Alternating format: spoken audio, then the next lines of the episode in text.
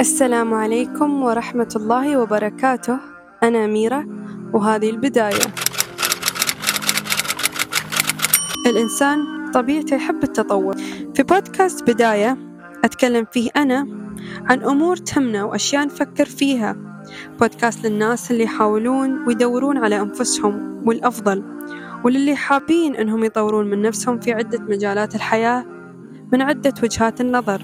فإذا كان يهمكم تطوير النفس والبحث عن الأفضل والتعمق في مجالات الحياة ومحاولة تفهمها فاستمعوا لحلقات بداية المتنوعة وشكرا.